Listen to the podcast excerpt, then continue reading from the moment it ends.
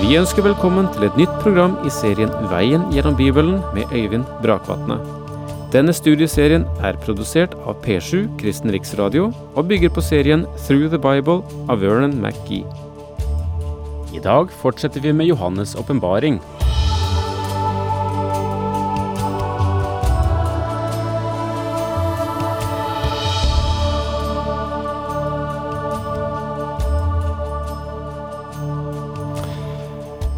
Vi begynte sist eh, med en introduksjon til eh, kapittel 13 i åpenbaringsboken. Og jeg tror det er eh, grunn til å fortsette litt og gi en bakgrunn for det kapitlet vi der går inn i.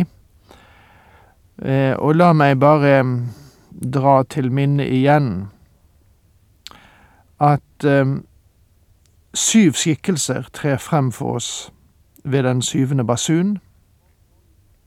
Fem har vi møtt i kapittel tolv, og vi møter de to siste skikkelser i kapittel 13. En av dem er dyret fra havet, og dette er både en politisk makt og en person. Og det andre, det er dyret fra jorden, og det er en religiøs leder. Og her møter vi altså disse to personene. Og vi får fortalt hvilken kolossal krig som foregår mellom lys og mørke. Og så sa jeg sist at disse to dyrene ble presentert for oss som villdyr, hvilket bokstavelig talt de er. Eh, og at eh, fortolkere har sett forskjellig på disse to dyrene, disse to skikkelsene, og eh, og det må vi bare ta med. Vi Her eh, ser vi stykkevis, og det, det må vi ta til følge. Eh, vi har her med altså både en politisk leder å gjøre, og vi har også med en religiøs leder. En som leder an i tilbedelsen av det første dyret. Og dette er Antikrist også.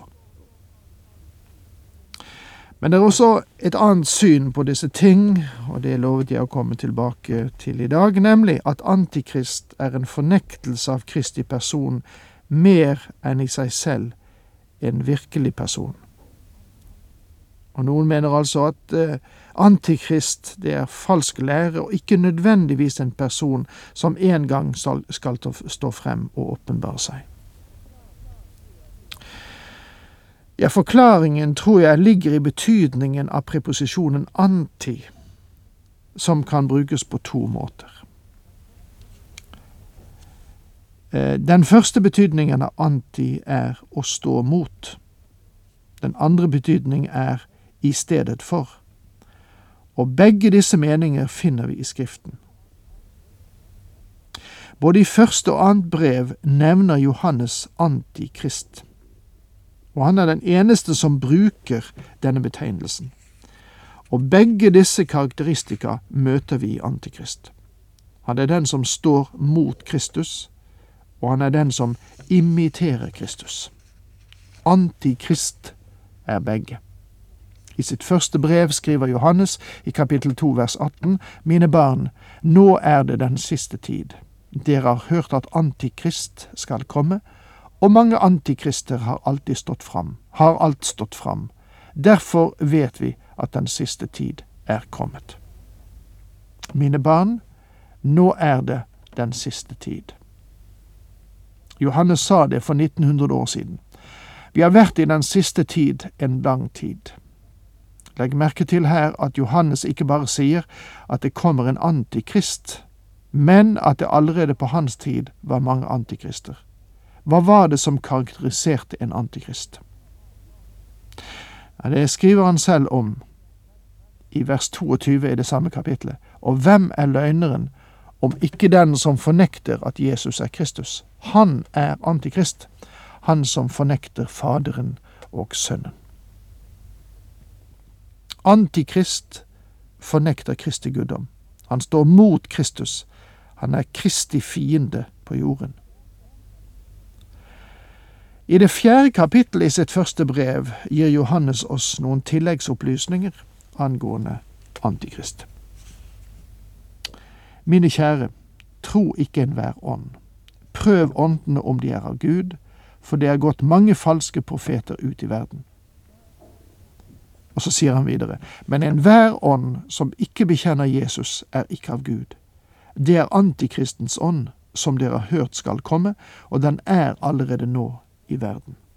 Med andre ord, enhver person eller gruppe eller bok som fornekter Kristi guddom, er antikrist. I så måte er for eksempel rockeoperaen Jesus, Jesus Christ Superstar, den er antikrist. Den er mot Jesus Kristus, slik Bibelen fremstiller ham. Enhver prest eller predikant som fornekter Kristi guddom, er antikrist. Han er mot Kristus. Forstår du betydningen? Jeg, jeg har strukket det langt, kanskje, synes du? Kanskje jeg er noe striks her? Men, men jeg vil du skal se den fortolkning, eller den tolkning som Johannes gir av dette i sitt første brev. Og den er ganske streng og stram. Og Jesus sier, den som ikke er med meg, han er mot meg. Den som ikke er med Kristus, han er antikristus. Ikke sant? I andre Johannes brev leser vi for det er gått mange forførere ut i verden, slike som ikke bekjenner at Jesus Kristus er kommet i kjøtt og blod. Det er forføreren. Det er Antikrist. Antikrist er en forfører. Han later som han er Kristus, og det er han ikke. Den Herre Jesus Kristus sa, det er mange som vil komme i mitt navn og si, Jeg er Messias. Og du skal prøve dem fordi enhver ånd ikke er av Gud. Og sannelig trenger vi å prøve åndene i dag, mine venner. Du får begynne med å prøve holdbarheten i din egen tro på Skriftens vitnesbyrd, og så den gruppen som du tilhører. Våg derfor, så ikke Antikrists ånd får innpass. Herren advarte mot dette i sin tale på Oljeberget, der han sier slik i Matteus 24, vers 24. For falske messiaser og falske profeter skal stå fram og gjøre store tegn og under, for om mulig å føre vill selv de utvalgte. Det vil stå fram falske Kristus-skikkelser som vil være i stand til å gjøre mirakler. Det andre dyret er virkelig en slik mirakeltjener. Han er en antikrist. Og derfor tror jeg at det første dyret er en politisk antikrist, og det andre dyret en religiøs antikrist. Selv djevelen klarer ikke å holde alt dette sammen i én person. Og jeg tror at det er to personer, disse to dyr, som er antikrist.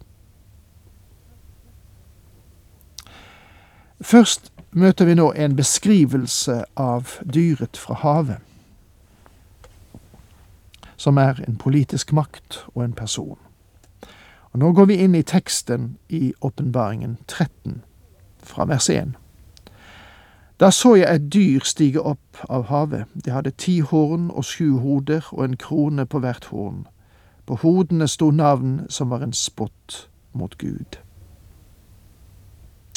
Da så jeg et dyr stige opp av havet. Hvem fører ham opp av havet? Satan fører dyret opp av havet.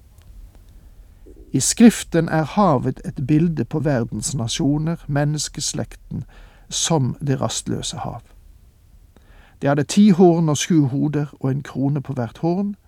På hodene sto navn som var en spott mot Gud. Dette dyret forvirrer tanken ganske mye, og hvis jeg skulle ha møtt dette dyret i mørket, så vet jeg sikkert at jeg kom til å gå i samme retning, bare mye lenger foran, mye fortere, hvis jeg kunne. Draken, Satan, står på stranden ved havet, og det er han som fører det ville dyret opp av havet og hersker over det. Og dette er Satans mesterstykke. Det første dyret er en person som leder det gamle romerske riket. Dette riket falt ganske enkelt fra hverandre, og han er den eneste som vil være i stand til å føre det sammen igjen. Det virker som Gud tar sin hånd bort fra verden for en stund og overlater den til Satan. Jeg tror at dette er en slags poetisk rettferdighet. Gud må la Satan demonstrere at nå har, nå har han blitt gitt frie tøyler, og han er i stand til å skape. Ellers ville Satan alltid vært i stand til å si til Gud fra ildsjøen, du ga meg aldri en sjanse. Om du hadde tatt hånden bort fra meg en tid og latt meg være alene, ville jeg vært i stand til å nå mine mål og opprette et andre rike. Men Gud vil la Satan få sin vilje, slik at han ikke noensinne vil kunne si det. En forståelse av Daniels profetier er svært viktig for å forstå åpenbaringsboken. Og dette dyret ligner beskrivelsen av de fire dyreskikkelser i det syvende kapittel i Daniels bok. Og der møter vi en profetisk historie om det romerske riket frem til det lille horn og dets ødeleggelse. Og det virket som det fjerde dyret skulle slumre en stund, og ut fra ett av de syv hoder kom det fram ti horn, og fra dem kom det et lite horn. Det lille hornet knyttet sammen de tre horn og var i stand til å ta de andre syv. Da Johannes skrev, var mye av Daniels profeti fullbyrdet. De første tre dyr, Babylon, som er løven, Medio-Persia, bjørnen, og Greko-Makedonia, panteren, var alle oppfylt. Da Daniel forkynte dette, var det profeti. Men det var fullbyrdet på Johannes' tid. Og derfor sentrerer Johannes seg om det fjerde dyret og på det lille horn fordi det fjerde dyr, det romerske riket, hadde dukket fram. Johannes levde i det romerske imperium og var blitt fordrevet til øya Patmos av den romerske hersker Domitian. Tegn på svakhet og sammenbrudd var ganske tydelige i imperiet, og Johannes var vitne til det som fremdeles var framtid i Daniels dager. Men i åpenbaringsboken ligger vekten på herskerperioden til det lille horn i Daniel 7. Og dette lille horn presenteres for oss som et dyr, et villdyr, for nå hersker han over og kontrollerer det gjenoppståtte romerske imperium i Johannes' profeti. Det lille horn i Daniel 7 og dyret i åpenbaringen 13 er identiske. Og her ser du at en forståelse av Daniel 7 er grunnleggende for å forstå dette verset. Dyret er syndens menneske og antikrist, den siste verdens diktator. Og siste vers i dette kapitlet bekrefter dette synspunktet. Og dermed må jeg si takk for nå, Herren med deg.